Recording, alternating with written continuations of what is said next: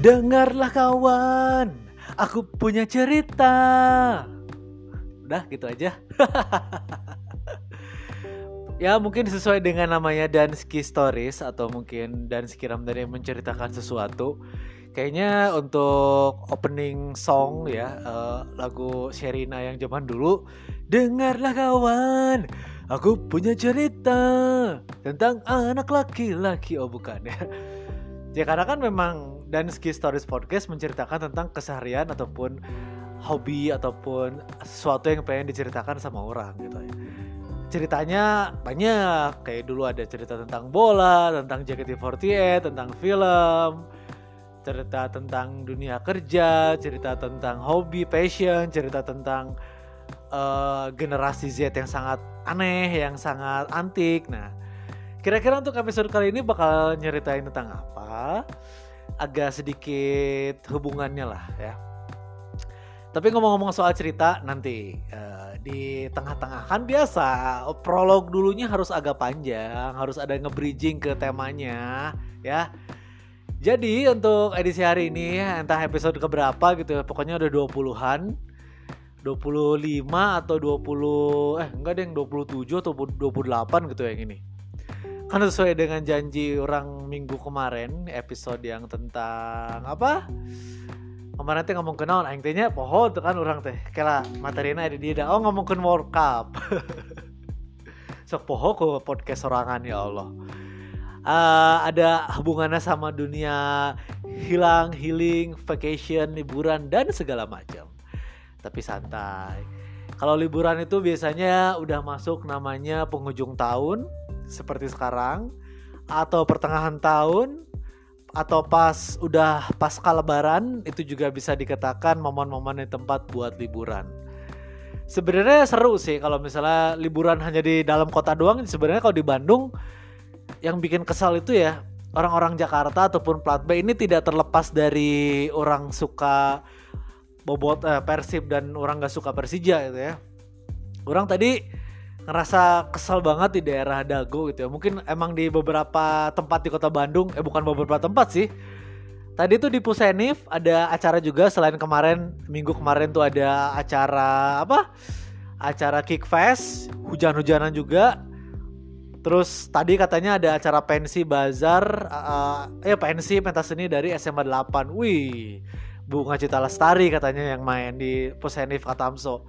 Biasanya SMA 8 itu manggungnya tuh selalu di sekolah. Zaman orang dulu SMA ya di sekitar 2000 berapa 2000 2004 2005 itu kan uh, SMA 8 luas banget tuh si sekolahnya gede terus juga di dalamnya juga gede halamannya gede eh, lapangannya gede jadi bisa nampung ribuan orang memang akhir-akhir ini Pusenif Katamso di Bandung menjadi trendsetter dan menjadi apa ya favorit kayaknya buat bikin event ya biasanya kan kayak di Sabuga mungkin Sabuga tempatnya mahal Eldorado mahal gitu ya.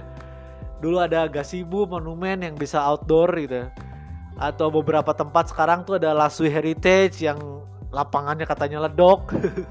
Jadi Posenep ini menjadi tempat paling bagus selain kalau misalnya konser garis keras ataupun kayak Bandung Berisik tempatnya tetap di Brigif Cimohai nama Bandung berisik tempatnya di Cimahi. Aneh.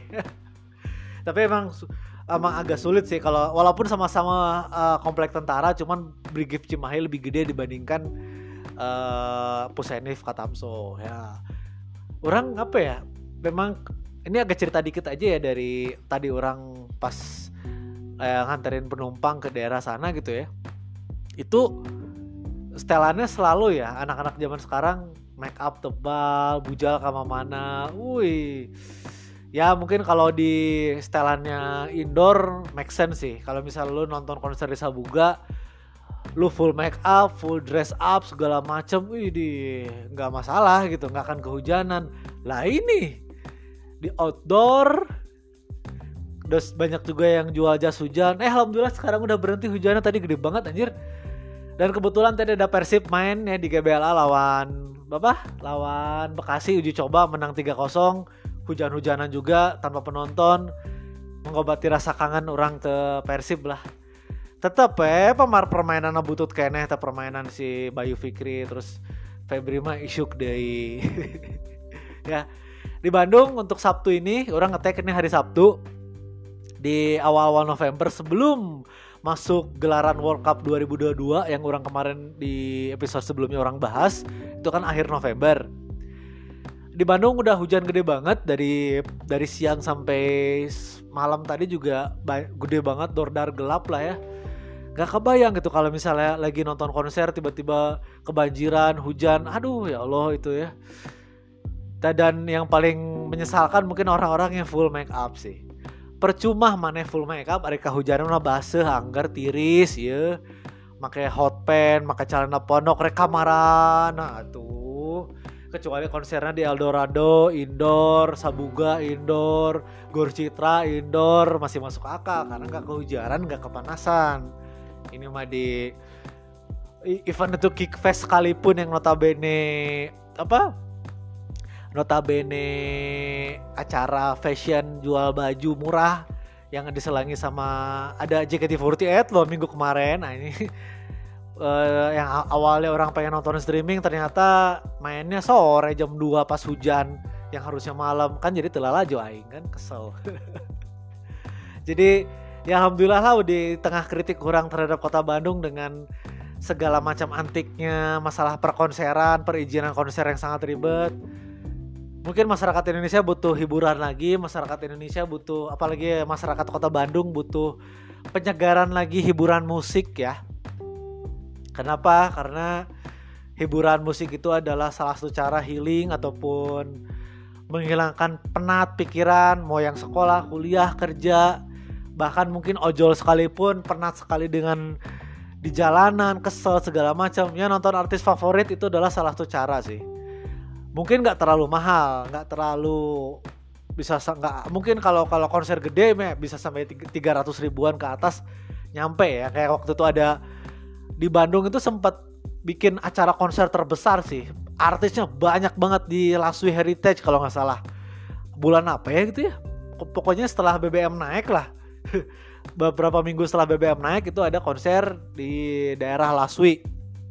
Nggak tahu sebelah mananya, cuman ada Dewa 19, ada JKT48, ada ada Sheila on Seven, ada Tulus, ada Raisa. Waduh, itu artis-artis gede semua. Ada Duo Maya, apa apalagi ya dulu tuh ya? Ada tip X kalau nggak salah ada deh. Pokoknya ini reunian antara gen generasi 90-an sama generasi sekarang.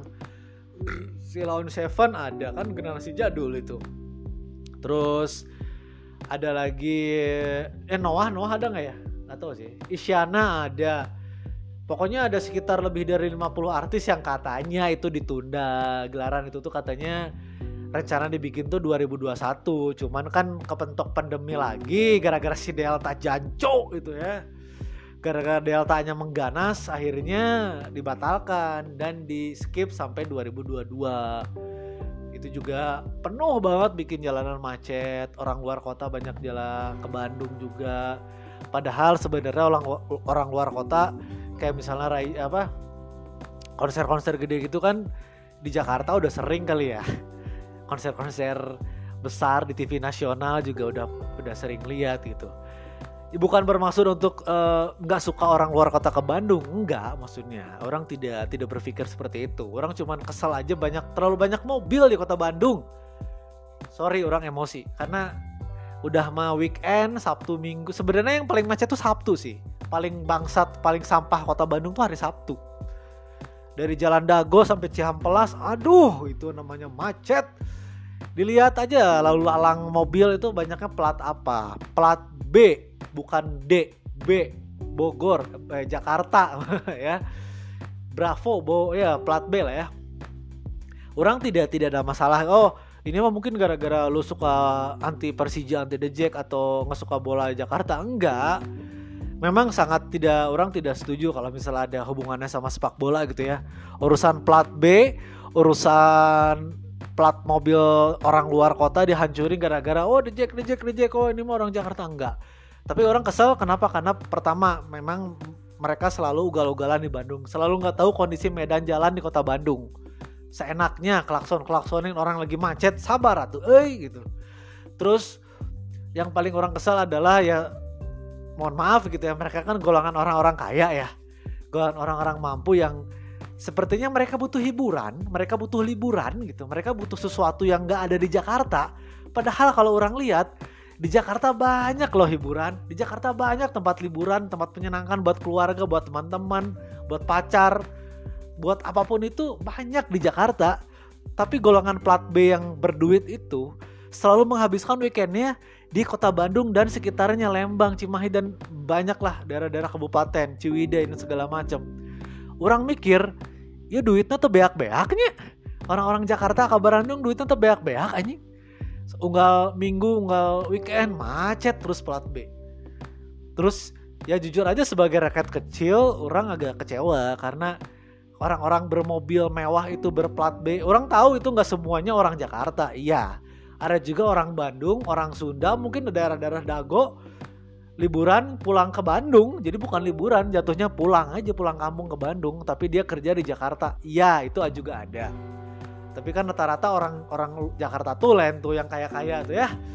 Jelas kalau di Cihampelas banyak bis-bis gede udah mulai ramai lagi. Di daerah orang, di daerah pada suka sudah mulai ramai lagi di Saung Ujo bis-bis gede dari luar kota terutama di daerah eh dari daerah Jawa Tengah Jawa Timur. Orang pernah lihat dari Kediri pernah lihat juga dari Solo Yogyakarta pada main ke Bandung. Itu rombongan ibu-ibu rombongan anak sekolah dari Jawa dari Kediri ke pada suka ke Saung Angklung Ujo buat studi tour gitu kan. Orang tidak bermasalahkan mangga Bandung terbuka untuk siapa pun tapi kadang-kadang orang sebagai penik, pengguna jalanan yang notabene adalah ojek online, kesel gitu. Kita mah rakyat Bandung hanya dapat untuk macetnya aja. Rakyat Bandung cuma dapat kekesalan di jalanan, hektik di jalanan, mobil udah makin sini makin banyak ya sulit gitu. Andai kata yang benar kata Kang Emil dulu ya, pelancong dari luar kota datang ke Bandung, udah deh mobilnya disimpan di hotel kalau nggak di mana di tempat mana lah gitu. Mereka pelancongnya pakai kendaraan umum. Tapi masalahnya di Bandung kendaraan umumnya gimana? Bis sekolah aja nggak laku. Ada sih bis metro itu yang kecil yang Balai Endah BEC. Coba kan cuma daerah itu doang. Bis Damri ada beberapa yang masih mau pakai bis kota. Kalau angkot sebenarnya tren saya tren untuk angkot di kota Bandung udah agak sedikit turun. Taksi taksi online ataupun taksi konvensional masih ada tapi udah nggak serame yang dua tahun 2000-an lah. Makanya kebanyakan mobil pribadi. Dago Riau Jalan Mer apa daerah Setiabudi Sukajadi PVJ apalagi nih kalau mall yang di daerah Pasir Kaliki itu tuh Pascal. Uh macetnya minta ampun. Itu orang-orang entah itu orang Bandung apa orang luar kota yang nggak tahu lah ya. Pada nongkrong kadang-kadang orang mikir ya duitnya timar apa sih? Bener kalau orang ngelakuin sesuatu buat kesenangan, buat self healing ataupun buat apa ya ngebahagiain diri sendiri itu nggak sering-sering amat. Ini mah udah keterlaluan seringnya gitu. Kayak orang-orang yang sering datang ke Pascal PVJ kan bermobil dan kaya-kaya gitu ya. Kayaknya ini garawena naon sih anjing. Pegawai micet gitu setepiak-piak duit. Memang sih Bandung menjadi kota wisata, Bandung menjadi kota tujuan de, tujuan yang paling enak buat menjejukkan pikiran di Jakarta ataupun sekitarnya. Karena memang benar orang punya teman yang kerja di Bekasi itu haredang yang kedua penat. Bener, hujannya aja kadang-kadang mereka masih ngalamin gerah gitu. Akhirnya pas ke Bandung enak banget adem dan pasti nyarinya itu bukan ke kota. Kalau orang yang orang yang Jakarta tuh lain orang yang asli dari sana biasanya ngejarnya ke atas ke atas kalau nggak ke selatan Ciwidey, Pasir Putih kalau nggak Lembang, floating market kalau nggak Tangkuban Perahu yang tidak ada di Jakarta. Kalau istilahnya mall-mall doang mah ya jujur aja mall Bandung mah kalah tuh sama Jakarta mah. Jakarta mah lebih edan mallnya juga itu orang-orang juga lebih fulusnya lebih banyak gitu ya. Tapi kalau dipikir-pikir apa sih hiburan kita gitu? Rakyat kecil tuh apa sih hiburannya? Untuk menyenangkan diri sendiri self reward ya kalau istilah keren katanya self reward asik ada beberapa hal yang yang uh, kalau orang kaya kan liburan ke luar negeri terus nongkrong di kafe mabok, free sex, micet, pijat, ya. Eh, enggak, Deng. Bukan hanya orang kaya ya sekarang zaman sekarang main kayak gitu mah orang yang punya duit aja, nggak harus kaya. Asal mau berbuat dosa, mereka bisa uh, punya aplikasi hijau bisa pesen cewek. Uh, aku lagi sendirian nih ayo ke sini gitu. Bayar berapa? Atau, atau enggak ke tempat pijat itu itu bisa aja gitu. Asalkan ada kemauan untuk berbuat dosa ya mangga gitu. Itu dosa masing-masing memang. Tapi itu bagian dari self reward juga. Buat itu laki-laki. Kalau perempuan apa self rewardnya kebanyakan belanja nongkrong di coffee shop, update TikTok, Insta Stories, atau enggak nongkrong di cafe di Starbucks, ngopi berjam-jam, update-updatean kayak gitu kan. Orang tidak bisa menyalahkan karena itu kesenangan orang lain. Saya tidak jangan uh, menghina kesenangan orang lain jika kamu kesenangan kamu tidak mau dihina-hina juga atau tidak mau dinyinyirin nah itu itu namanya self reward kadang-kadang orang butuh gitu kan kayak kemarin orang juga self reward nonton bioskop nonton film horor itu juga bagian dari self reward menyenangin diri sendiri makan enak. Dulu waktu orang uh, kerja selalu sebulan sekali orang pengen makan hokben kalau nggak burger kalau nggak Wendy's atau apa pun lah ya makanan elit gitu ya. Kadang beef stick yang harganya 70 ribu orang pas zaman orang masih kerja itu selalu orang menjadi self reward orang pengen bosen dong warteg nasi padang warteg nasi padang. Sedangkan duit gaji ada gitu ya. Ya nggak apa-apa sekali-kali doang asal jangan tiap hari aja. Kalau tiap hari mah modar aing ini apalagi sekarang statusnya jadi pekerja harian jalanan ojol kan ya harus pikir-pikir juga kalau misalnya pengen ngelakuin sesuatu gitu ya. Pengen beli ini beli itu ya minimal nabung dulu buat kesenangan lakuin gitu kan. Karena capek juga jangan salah pekerjaan jalanan itu pusing macet terauhana nyawa apalagi perjalanan jauh kehujanan kepanasan sekarang lagi musim hujan. Pasti butuh sesuatu yang menyenangkan dalam diri. Selain tentunya kalau menyenangkan uh, apa? Menyenangkan orang kan sebenarnya nonton bola nonton Persib MU sama JKT48 hal yang orang sering lakuin tapi kan sekarang Persib lagi off kecuali tadi main ya uji coba. JKT48 orang udah agak pensiun. Paling nonton YouTube dan streaming udah jarang lagi ke Jakarta karena faktor waktu dan juga fulus duitnya nggak mencukupi. Uh, makan di restoran juga nggak terlalu suka. Pengennya emang kebiasaan makan nasi padang warteg dan kayak gitu gitulah ya. Emang jiwa miskin aja. Paling cuma sekali-kali doang. Pesan GoFood, GrabFood, ShopeeFood juga sekali-kali. Nggak yang tiap hari. Ini orang balik lagi duitnya nggak habis-habis buat beli yang kayak gituan. Nggak ngerti orang. Makan beli Shopee Food aja sebenarnya atau ojol makanan itu mahal mencuk orang mas. Selaku ojol juga menurut orang mahal banget sih. Nah apa yang menjadi kira-kira apa sih yang bisa orang-orang seperti orang ini bisa ngelakuin kesenangan tapi tapi nggak nggak nggak bisa ngabisin duit juga kan gitu ya? Kalau orang-orang yang lain kan ada yang mohon maaf gitu ya beli minuman amer gitu kan. Nongkrong sama teman-teman mabuk-mabukan ngafe atau main game online berjam-jam main kripto itu kan bagian dari kesenangan juga sebenarnya beda-beda nah orang salah satu hobi orang selain nonton film nonton bola dan dengar musik JKT48 dan musik-musik jadul adalah jalan-jalan. Kenapa orang suka jalan-jalan? Karena itu bagian dari hidup saya. Asik. Pekerjaan orang sebelum jadi ojol ini adalah sales marketing ataupun akun eksekutif. Yang notabene jalan-jalan keluar, ketemu klien, presentasi, ketemu, apa ya di hotel ataupun di kafe itu kan. Bisa berinteraksi dengan orang-orang yang berbeda itu kan ada tantangan tantangan tersendiri buat orang. Dan akhirnya menjadi kayak menjadi passion yang sangat kuat gitu. Orang kecenderungannya emang senang jalan-jalan dibandingkan stay kecuali sakit ya sakit mah kumaha atau bisa paeh di jalan kumaha ada gering mah gitu nah tapi pengorbanan itu juga butuh tenaga, waktu dan pastinya fulus alias uang pada pendengar dan stories ya. Jadi itu PR besar buat yang pekerja harian dari ngumpulin uang receh 10 ribu, 5 ribu bisa jadi sejuta, bisa jadi ratusan ribu. Alhamdulillah. Bisa kewujud itu satu hal yang senang sekali gitu. Nah orang emang pas uh, begitu lulus kuliah kan sering juga traveling keluar kota sendiri. Tapi bukan liburan jatuhnya lebih ke ini lebih ke apa?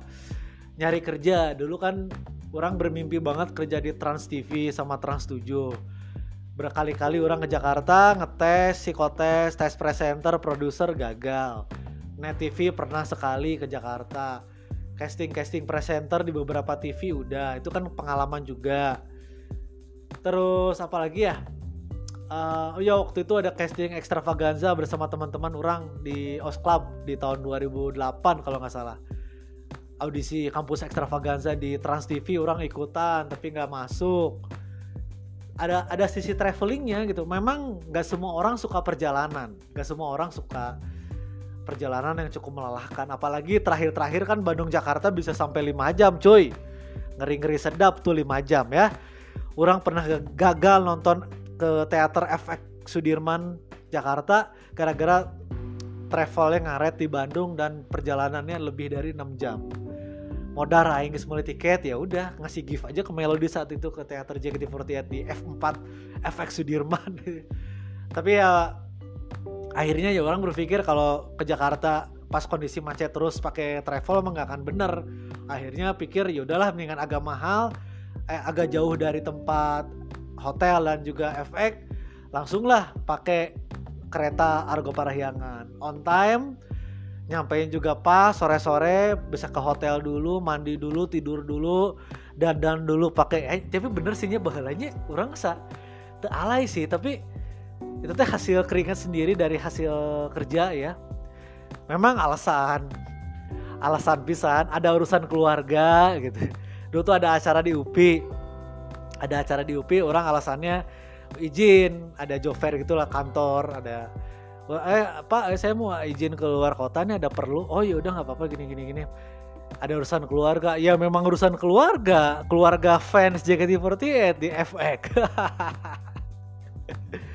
jadi alasan itu cukup masuk dan alhamdulillah bisa meluncur ke Jakarta dengan pergi pakai Extrans jam 2 sore hampir terlambat dan bisa akhirnya teateran saat itu. Melodi masih ada di sana lah ya foto shoot juga apa to shoot sama melodi pakai baju apa orang bawa jersey Persib saat itu. Tahun berapa itu ya? 2016 gitu 2015 ya? Pokoknya tahun segitulah. Gitu ya. Jadi dulu orang kan uh, nyampe ke Jakarta sore eh jam setengah limaan langsung otw hotel. Kebetulan hotelnya dekat dari stasiun eh dari FX meluncur pakai eh dulu mah belum pakai Gojek orang pakai Gojek ini pakai ojek pangkalan yang di stasiun Gambir anjing itu mahal pisan sih ya. Aing reka tipu anjing padahal mah deket anjing tapi nah aing bayar tiga puluh ribu cukuran deh. Dan pas orang ngecek zaman ojol ya 15 ribu nah anjing mahal-mahal ting memang kalau buat orang luar kota hati-hati kalau ada ojek pangkalan nembakinnya suka nggak nggak waras gitu. Terus ke hotel ganti baju mandi segala macam pakai wewangian dan orang pakai pomade anjing. Menuju teater efek Sudirman orang gaya hela jadi pakaiannya masih pakaian kantor ya pakaian chinos. Bawahnya pantopel celana chinos abu-abu celana kemeja biru. Biasa kan orang suka warna biru ya. Terus udah mandi minyak wangi pakai uh, pomade biar gaya ketemu Oshi. Asik. Padahal melodi kayak ngalirik ke hante gitu ya. Tapi entah kenapa kalau urusan sama JKT emang harus uh, kecuali outdoor kalau urusan teater memang harus tampil orang. Sama kayak cewek-cewek kan kalau nonton konser tulus Malik di esensial kan make up tebal alis nuki kayak gitu gitulah wangi segala macam. Ya itulah orang pernah lakuin seperti itu. Agak alay sih. Tapi orang ngelakuin itu sendiri cuy. Jadi kalau misalnya kemarin ada yang bilang di medsos kok bisa ya ada orang yang suka nonton bioskop sendiriin liburan eh bukan liburan makan di restoran sendiri ke mana-mana sendiri. Emang kunaon anjing dasar Gen Z itu mah di TikTok emang kelakuan Gen Z ya Allah kalau anda tidak bisa melakukan itu dengan sendiri berarti anda belum mandiri dalam arti gini mandiri itu bukan berarti Anda punya uang aja. ATM banyak, karir bagus, tapi harus ber, harus ditemenin sama teman-teman terus ke mana-mana. Itu bukan mandiri, itu pengecut. kalau mandiri itu sendiri dengan ambil resiko ya kalau sendiri mah ya ya gimana ya memang gak ada nggak ada temen gitu tapi ya orang bisa ngelakuin apa aja dengan apa yang orang inginkan. Nggak perlu kagok wah sia sekian jam sekian sare kene eh kiki kiki ah nggak nyaman lah. Makanya orang banyak banget ngelakuin hal itu sendiri.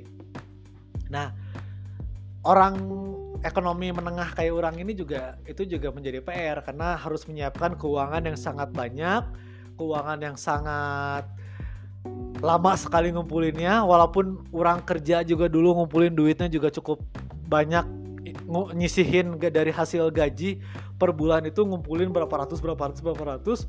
Akhirnya bisa OTW Jakarta buat uh, alhamdulillah buat apa? Buat teateran JKT48 dan juga handshake. Ah pokoknya mah banyak banget ininya lah. Ah, jadi uh, buat kamu yang pengen liburan sendiri kira-kira apa sih yang menjadi serunya liburan sendiri ataupun nonton ke mana-mana sendiri itu apa yang seru? Karena gini tujuan kita liburan itu kan pengen nyenengin diri sendiri ya bukan buat ngobrol. Kadang ada orang yang bilang kan kalau liburan ke mana-mana sendiri tuh nggak ada teman buat ngobrol. Duduk sendirian di atau duduk sebelahan sama orang asing di bis di kereta itu kan nggak ada teman ngobrolnya bisa wae kalau anda orangnya berani ajak ngobrol. Mbak pak dari mana? Mau ke mana? Gini gini gini. Itu bisa. Itu tuh melatih skill komunikasi kita. Melatih keberanian kita ketemu orang sama orang yang belum dikenal gitu. Dan sebenarnya gini waktu orang away nonton Persib ke Lamongan itu kan sama temen ya sama teman SMA teman main buat nonton Persib lah itu udah akrab banget. Tapi apakah orang ngobrol dari pertama kali pergi dari Bandung sampai ke Lamongan Jawa Timur itu ngobrol ngobrol terus enggak. Kebanyakan tidur dan kebanyakan masing-masing main handphone dan denger musik. Ngobrol emang cuma dikit. Jadi nggak masuk akal kalau misalnya ada yang bilang kan nggak ada teman ngobrol. Waduh anjing dah. Di mobil mau ujung-ujungnya main handphone denger musik nonton YouTube share itu yang paling yang paling biasa dilakuin orang-orang keluar kota itu kan gitu event itu yang acara sekolah aja. Mana di, dipisahin sama orang yang gak sebangku juga nggak masalah. Kan aku nggak kenal deket sama dia gini-gini. Itu anda bukan nggak nggak mau itu. Itu anda cuma pemalu aja. Emang nggak mau ngobrol sama orang yang beda aja gitu. Orang yang belum dikenal itu menjadi apa ya selalu jadi masalah gitu. Kadang-kadang orang-orang itu tuh padahal mah nggak apa-apa. Siapa tahu menjadi relasi baru jadi teman baru gitu kan tukar-tukaran sepatu ada ada kerjaan yang bisa barengan relasi baru itu penting sebenarnya. Walaupun ada juga yang rese-rese ada ibu-ibu rese ibu-ibu yang ngajak ngobrol padahal kitanya pengen tidur ada yang kayak gitu kan. Ya memang dinamika lah kalau misalnya urusan keluar kota itu mau naik bis naik pesawat naik kereta naik kapal laut itu pasti eh kapal laut jarang ya kalau liburan sendiri pakai kapal laut kecuali vlogger ya. Vlogger vlogger gitu mungkin adalah beberapa yang pakai kapal laut gitu.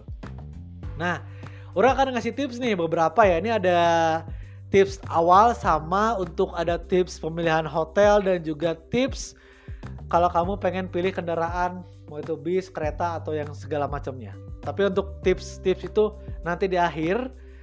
Jadi buat episode kali ini orang akan ngebahas uh, lonely holiday. Why not liburan sendiri? Kenapa tidak? Seru tahu. Nah, saya garis bawahi seru tahu kalau punya duit. Nonton sendiri juga seru tahu kalau punya duit gitu. Orang nonton jangan kan liburan sih nonton ke stadion aja selama orang punya motor orang pas selalu kalau temen gak sinkron jadwal dan gak mau nonton di match itu orang pasti nonton ke tribun sendiri gitu. Walaupun ketemu bobotoh yang lain bisa ngobrol bisa sharing yang bisa bisa kenalan dan bisa juga yang lain gitu kan. Bisa nyari jodoh juga Nah, nonton nonton konser dari orang kan udah ceritain di episode yang dulu. Pertama kali orang nonton konser tuh Avi di Gasibu itu sendiri SMA orang. Emang orang tipikalnya emang adventure, petualangan, my trip my adventure, my trip my adventure lah ya. Jadi buat, buat kamu nih para pendengar dan Ski Stories podcast yang bingung, aduh kira-kira akhir tahun ini gue mau ngapain ya? Pengen healing, pengen jalan-jalan karena kan setahu orang Desember ini juga bakal libur panjang sampai Januari ya. Anak sekolah tuh lagi pada UTS atau ya. UTS ya. UNBK eh UTS aduh namanya lupa naon sih istilahnya bukan UTS adalah nama zaman sekarang nggak tahu. Itu pertengahan Desember sampai pertengahan Januari itu kalau nggak salah mereka libur. Dan biasanya jalanan jalanan Bandung dan jalanan tempat-tempat wisata pasti bakal macet lagi. Tempat wisata bakal penuh lagi gitu ya.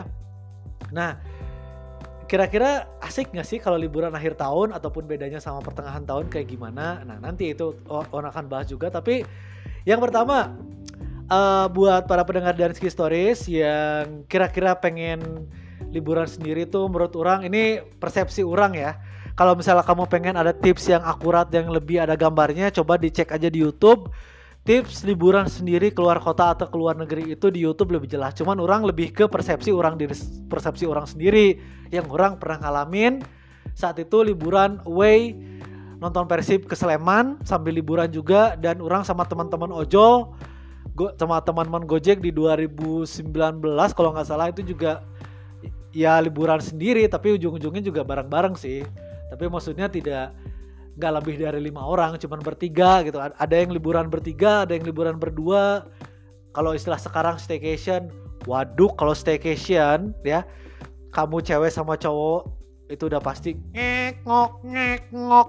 Nggak mungkin enggak kecuali beda hotel. Hotelnya jauh. Hotelnya bisa lebih dari 5 kilo oke. Okay.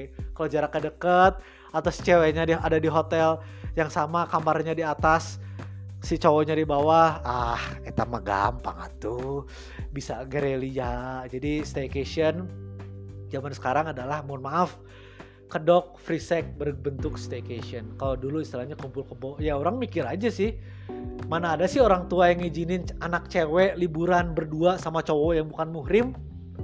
Aneh anjing. Ya kecuali ya lagi ngikok ngikok ujung-ujungnya pasti ke situ gitu. Nggak mungkin enggak ya. Bukan negatif thinking tapi kebanyakan yang seperti itu. Staycation berdua sama pacar ya Hah pasti seperti itu. Tapi ini jangan sama pacar. Ini cukup sendiri aja buat buat kamu yang pengen liburan sendiri. Apa aja yang harus disiapin? Ini dia. Asik. nah itu ada duanya orang ada first prepare sama second prepare ya. Yang first prepare-nya dulu deh yang orang akan ceritain kira-kira uh, kamu tuh mau liburan itu mau ke mana gitu kamu harus di apa cari tahu juga karena buat persiapan cuti kerja. Jadi buat yang kerja kantoran eh kalau orang ojol mah gampang hari apa aja bisa. Uh, jadi buat yang kerja kantoran kira-kira liburan itu tuh butuh memakan waktu berapa hari dan pengennya ke mana? Kira-kira uh, berapa untuk apa sih ini sebentar uh, tanggal berapa kira-kira tanggal berapa bulan apa tanggal berapa bulan apa dan mau ke mana kamu harus tentuin dari sekarang. Jadi misalnya kamu pengen liburan uh, pertengahan Januari 2023 kamu harus cek. Kira-kira Bali uh, tanggal segini kosong gak ya? Rame gak ya kira-kira gitu ya? Tujuannya mau ke mana dulu? Kamu harus tahu gambaran kasarnya aja dulu. Kamu pengen ke mana? Jangan bimbang. Aduh aku bimbang antara Bali Jogja eh, Lombok atau apa. Enggak tentuin di mana. Misalnya satu Jogja misalnya. Ah gue mau pengen liburan ke Jogja sampai ke Merapi deh. Pertengahan Januari gue pengen ke Jogja. That's it gitu. selesai. Nah udah tentuin kira-kira tanggal berapa nih dicek. Kamu ke Jogjanya kira-kira itu enaknya di weekend apa weekday? Nah itu kamu harus juga cari tahu. Tergantung kamu kesibukannya juga gitu ya. Wah kayaknya kalau weekend penuh. Ya udah deh weekday. Nah weekday kamu bisa prepare ke ke atasan kamu yang di kantor ataupun yang kuliah kecuali ojol ya ataupun pedagang lah yang pengen liburan bebas teman yang yang ada terikat ruang dan waktu kamu bisa nentuin itu bu pak saya pertengahan Januari mau ke Jogja empat hari tiga malam empat hari ya pak ya izin buat cuti kalau kondisinya kamu karyawan yang udah lebih dari dua tahun atau setahun. Biasanya kalau karyawan yang kurang dari setahun atau masih percobaan, ya pinter-pinter aja cari alasan. Ada alasan keluarga sakit ke atau apa? Ah, pokoknya alasan lah. Karena kalau alasan liburan, cuti udah pasti nggak diizinin kalau kondisinya masih baru gitu. Nah, terus di sana kamu harus tentuin juga kamu mau ngapain di sana, mau ngapain aja sih di Jogja itu. Gitu jangan cuma nongkrong eh, diem di hotel doang gitu kan itu jangan ngabis ngabisin waktu dan tenaga juga nah tanggal berapa ke sananya dan paling penting duitnya kira-kira dikumpulinnya berapa modal untuk ke Yogyakarta sampai ke Kaliurang Merapi itu modal untuk traveling Solo itu berapa sih kira-kira? Gampang tinggal dicari dicek di Traveloka di Google. Kalau enggak di YouTube itu ada pre, uh, lebih jelasnya di situ. Orang-orang youtuber-youtuber traveling itu nggak bikin detail perincian harganya lebih jelas. Kamu cek aja di situ gitu kan ya. Nah kalau misalnya kamu udah nentuin tanggal kalau menurut orang pribadi gitu ya kalau misalnya uh, apa tips dari orang kalau kerja yang notabene Sabtunya libur kamu mendingan ambil cuti itu Kamis, Jumat, Sabtu. Jadi Minggu tuh kamu pulang dan udah Senin udah siap kerja lagi gitu. Kecuali servis. Kalau servis seperti kayak kafe, restoran, mall, bioskop itu kan nggak mungkin ya libur di hari uh, weekend atau tanggal merah minggu. Jadi kamu harus pikirin juga hari lain. Kalau misalnya tipikal kantor yang Sabtu libur atau Sabtu setengah hari, kalau misalnya Sabtunya setengah hari pun bisa diakalin dengan ganti ini ya pak uh, jadwal bisa dari hari Kamisnya gitu sama tapi kamu cutinya tetap 3 4 hari atau lima hari lah maksimal lima hari biar lebih enak sih lima hari sebenarnya mah gitu jadi kalau misalnya yang nggak bisa ngambil hari libur tanggal merah itu nggak bisa libur ya selamat menikmati weh itu gawe weh makan tuh kerjaan gitu ya. kecuali kamu sakit kalau sakit memang nggak bisa ngapa-ngapain kan. Terus modalnya berapa dicek? Sekarang udah zaman teknologi canggih gitu ya kamu bisa cek and recheck hotel transportasi eh, akomodasi segala macam tanggal per tanggal kalau hotel itu kamu bisa ngecek dari tanggal sekarang sampai berapa bulan ke depan. Aku eh, harganya berapa kayak misalnya orang kemarin kan nggak jadi ke Solo nih ke Jogja eh ke nonton Persib versus Persis Solo di Manahan Solo Orang kan dari awal jadwal itu muncul udah ngecek tanggal segini harga hotel berapa. 28 Oktober 2022 orang udah ngecek. Orang ngecek itu tanggal Agustus cuy. Pas orang di Sleman orang ngecek juga.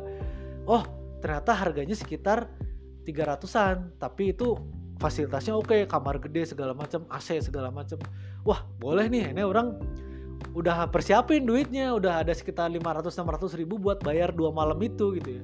Tiket kereta orang udah bayar tapi untungnya alhamdulillah kemarin udah di refund lagi sama KAI gitu ya terima kasih KAI walaupun gak 100% anjing cuma 75% dibalikin ya nggak apa-apa lah tiket kereta yang paling penting tuh ngecek dulu semuanya kira-kira dari mulai hotel uh, harganya berapa terus kamu cari tahu uh, hotel ini kira-kira bagus enggak reviewnya lihat di YouTube review hotel kayak kemarin tuh hotel Jazz orang selalu lihat Jazz Hotel Parangraja Solo, Manahan Solo. Itu ada reviewnya. Kenapa orang langsung naksir ke situ? Karena reviewnya bagus, hotelnya strategis depan stadion, jadi bisa langsung abis neribun langsung nyebrang ke hotel dan dari hotel langsung bisa ke tribun ke, ke stadion. Itu kan enak gitu kan.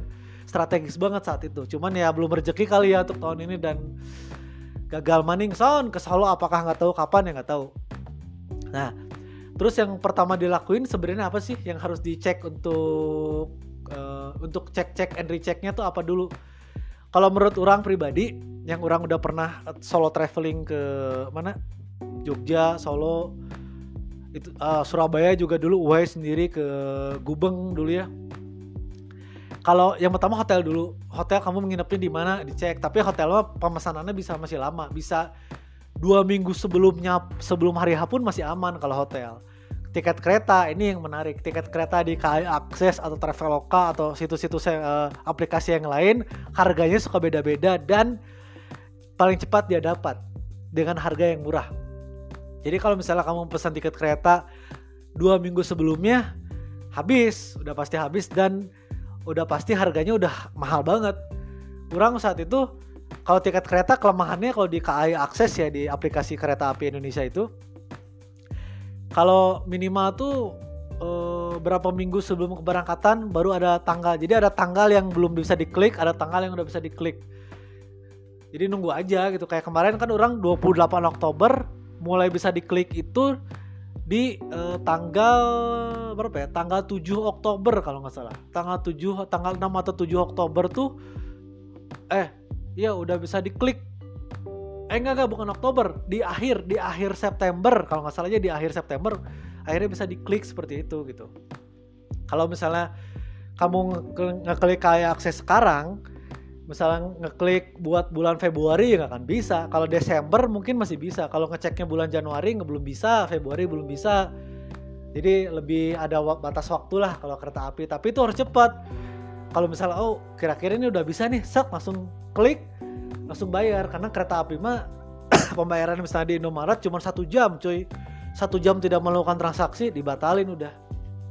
Jadi harus cepat karena harganya ada yang ada yang lebih murah lumayan. Misalnya beda 50 ribu 70 ribu bahkan mungkin beda 100 ribu bayangkan.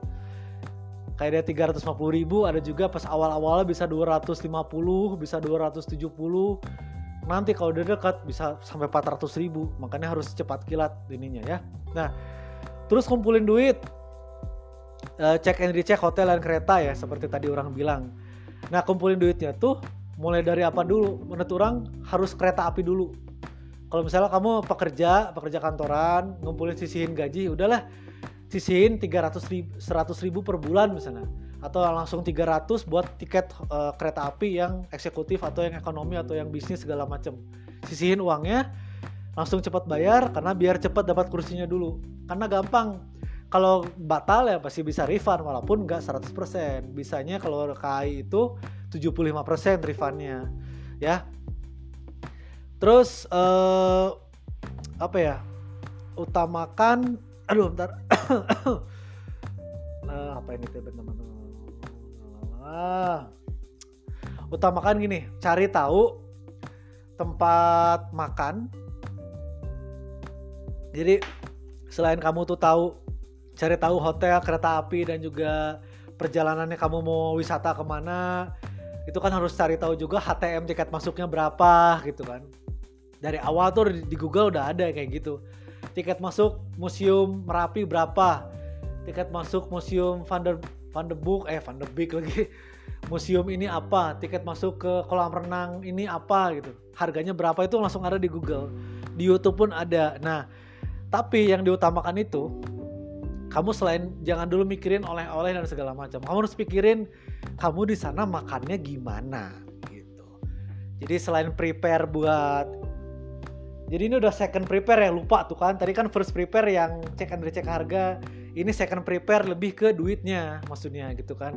Nah kamu harus cari tahu juga kira-kira makan di sana di mana aja restoran terdekat hotel tuh di mana makannya di mana apakah ada restoran yang khas yang sangat unik di daerah tersebut di Jogja tuh yang unik lesehan di mana yang enak Malioboro atau tempat lain gitu kan. Kisaran harga berapa kalau misalnya pesan GoFood, Shopee Food di sana berapa bisa dicek dari sekarang.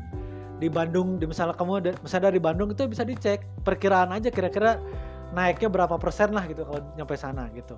Nah terus kalau misalnya pengen wisata harus tahu memang uh, kamu pengen ke mana gitu. Jangan sampai kamu diem di hotel doang karena kamu wisata bukan staycation di hotel. Sayang kecuali aktivitasnya banyak gitu uh, aktivitas banyak ya udahlah hotel mah cuma buat istirahat doang. Tapi kalau misalnya nggak ada gabut sayang banget sayang banget beneran. Kalau memang harus ada prepare-nya dari sekarang dari dari awal-awal dari Bandung tuh harus ada. Orang di Jogja bakal ada planning tempat A B C D E F G. Plan B-nya ke sini ke sini ke sini biayanya segini segini. Ya balik lagi duitnya harus mencukupi. Budgetingnya berapa? Orang ke Jogja uh, lawan Sleman dan juga itu sambil liburan juga itu kurang lebih budgetingnya satu setengah juta satu setengah juta aman sih. Kalau kereta eksekutif hotel yang murah makan minum ojol segala macam satu setengah juta cukup. Kecuali Jawa Timur. Jawa Timur nggak tahu ya orang nggak belum pernah wisata ke Jawa Timur juga berapa gitu ya. Nah terus cek KTM dan ini apa namanya eh, kendaraan ya. Kamu harus cari uh, kendaraan online juga harus dicek. Sebenarnya memang resiko kalau misalnya kamu dari Bandung tiba-tiba pengen cari tahu Grab Jogja atau Jakarta bisa dari sekarang tapi pastinya harganya beda pas hari H.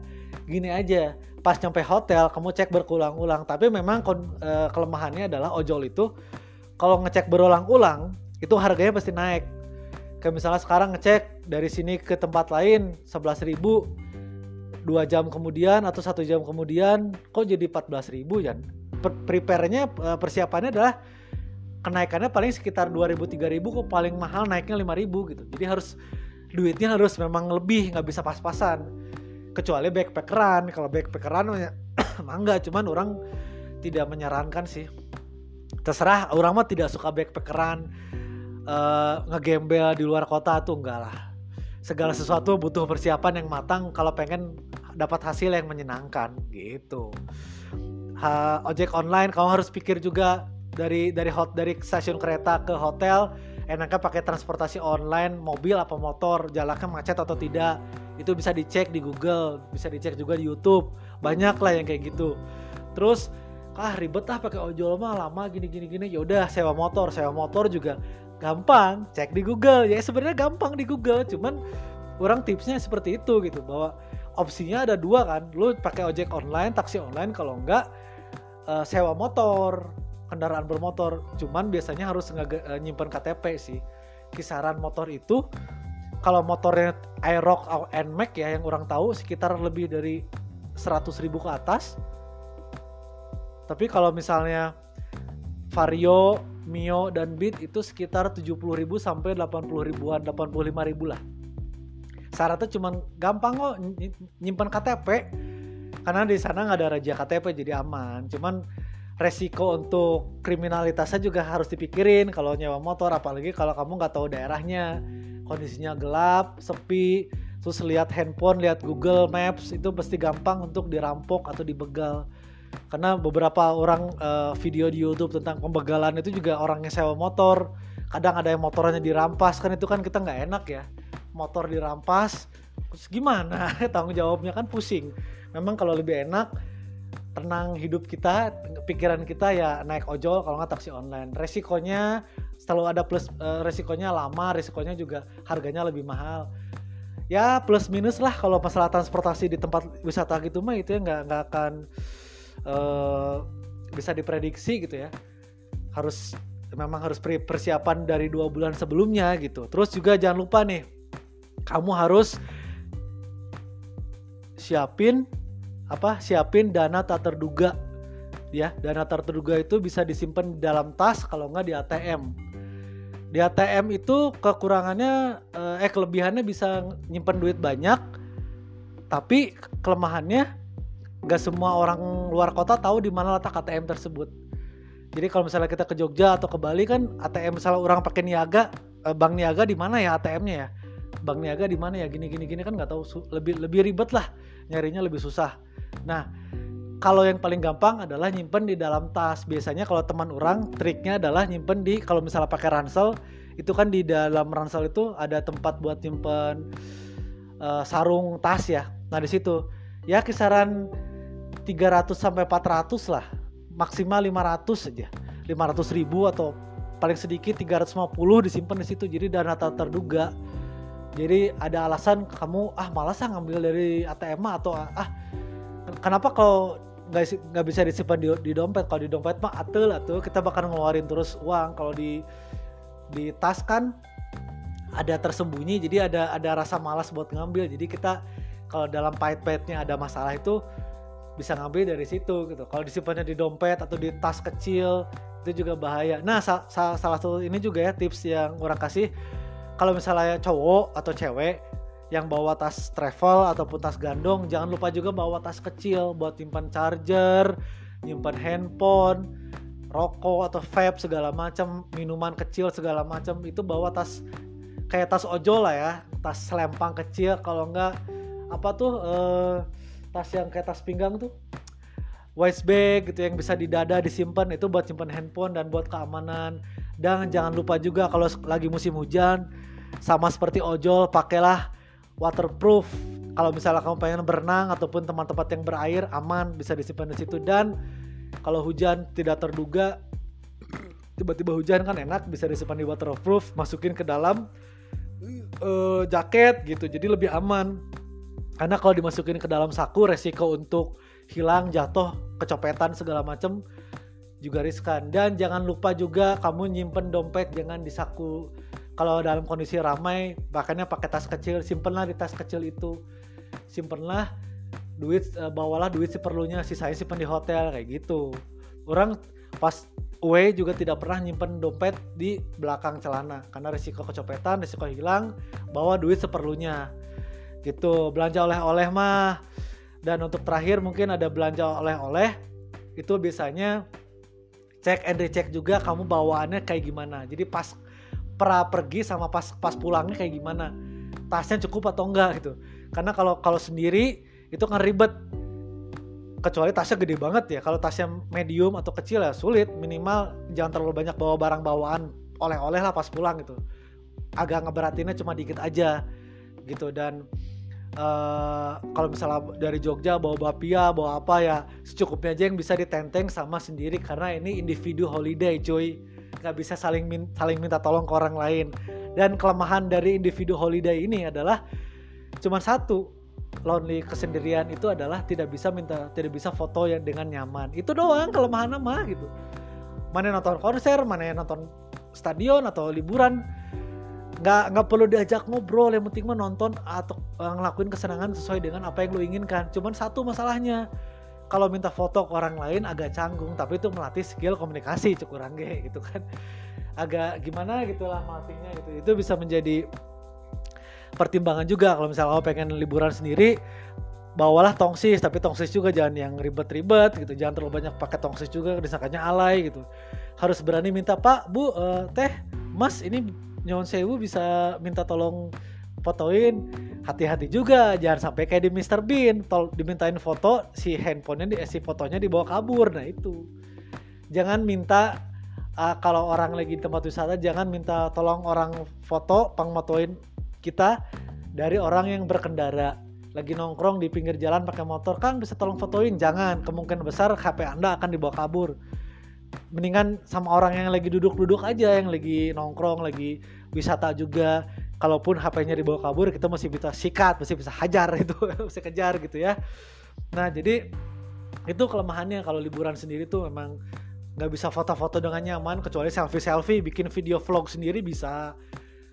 Tapi monolog ya bukan dialog dari luar kita ya cuman ngevideoin da, ngevideoin dari kamera doang bukan kita yang kesorot kamera begitu. Jadi kalau untuk bawa itu jangan terlalu banyak uh, bawa barangnya. Eh udah hampir satu jam nih singkat aja ini sekitar ada beberapa hal yang yang yang uh, tips terakhir ya sebelum pamit dari Danski Stories Podcast ini.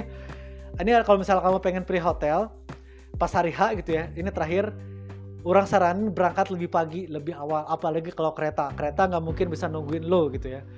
Itu pun kalau misalnya kamu pengen pakai kereta kalau pakai pesawat apalagi bis bis malam juga harus on time. Jadi berangkatnya lebih awal. Nah kalau milih kendaraan gimana sih? Terserah. Kamu pengen pakai bis bis malam kereta api pesawat atau mobil travel. Yang penting bisa buat diri kamu nyaman ya kalau orang pribadi kenapa orang selalu kekeh bukan sok gaya pengen eksekutif kereta? Karena kalau ekonomi itu nggak nyaman eh walaupun pakai AC tapi kan berhadapan-hadapan gitu. Berhadapan-hadapan dan uh, momen awkwardnya tidak saling kenal itu kan bikin males ya. Bikin gak banget lah kayak gitu. Terus kalau bis perjalanan lama dan orang pengen nyoba bis ini bis sleeper bis dari dulu juga pengen nyoba. Harganya lumayan tapi harus ke pas eh, ke daerah Jakarta ke apa? Kan pasar rebo siapa namanya itu? Uh, Pulau Gebang. Di Bandung nggak ada sleeper bis adanya di Pulau Gebang Jakarta Timur. Eh Jakarta Barat Jakarta Timur itu tuh ya. Pesawat kemahalan nyaman. Travel mobil kecil ya bisa aja asalkan itu banyak kan gitu. Jadi tergantung apa yang membuat kamu nyaman. Karena gini ada harga ada kualitas cuy. Kalau dalam dalam berkendara liburan itu ya kalau sendiri ada harga ada kualitas ada kenyamanan pasti. Kalau kamu pilih kereta eksekutif harga 300 ribuan ya pasti nyaman dong duduknya berhadapan ke jalur kereta. AC-nya lumayan kursinya empuk sandarannya empuk kakinya bisa lebar. Kalau orang juga kemarin kan bingung ya waktu pengen ke Solo itu pengen pakai yang eksekutif atau yang ekonomi? Yang premium premium 200 ribuan. Cuman resiko premium kaki antara jarak kaki sama sandaran itu sempit, cangkel gitu ya.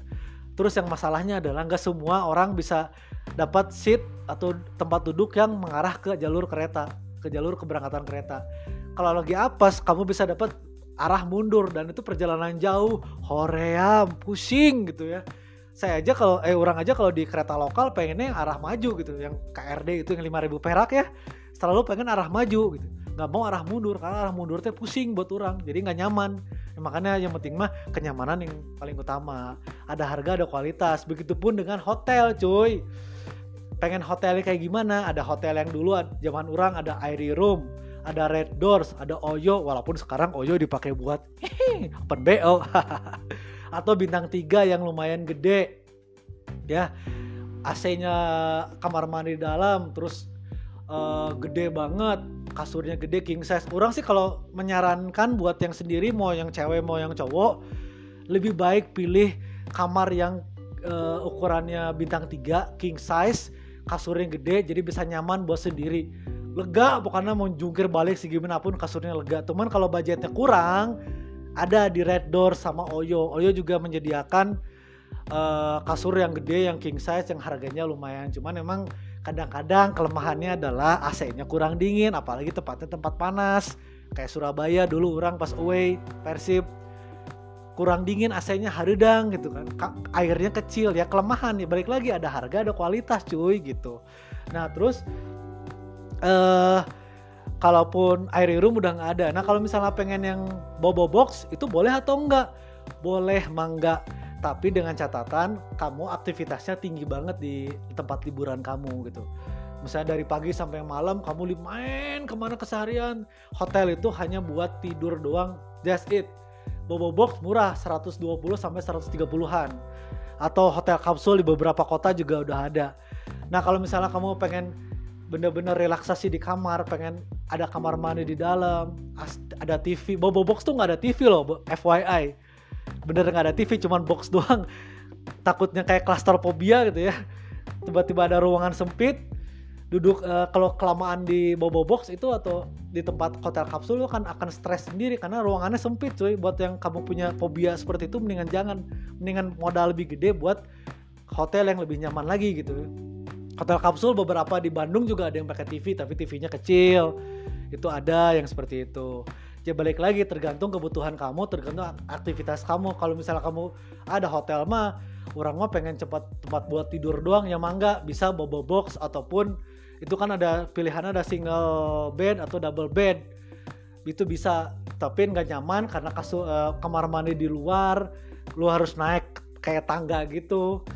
Ya terserah lah. Tapi orang pribadi nyaranin mendingan hotel yang setara bintang 3 atau bintang 4 yang harganya 300 ribuan full AC ada tempat minumnya tempat bikin kopi dan teh terus juga ada tempat ah, kamarnya gede ada lemari dan segala macam. Ah itu enak lah pokoknya. Orang saranin antara hotel bintang 3 bintang 4 kalau enggak ya Oyo dan Red Door sih.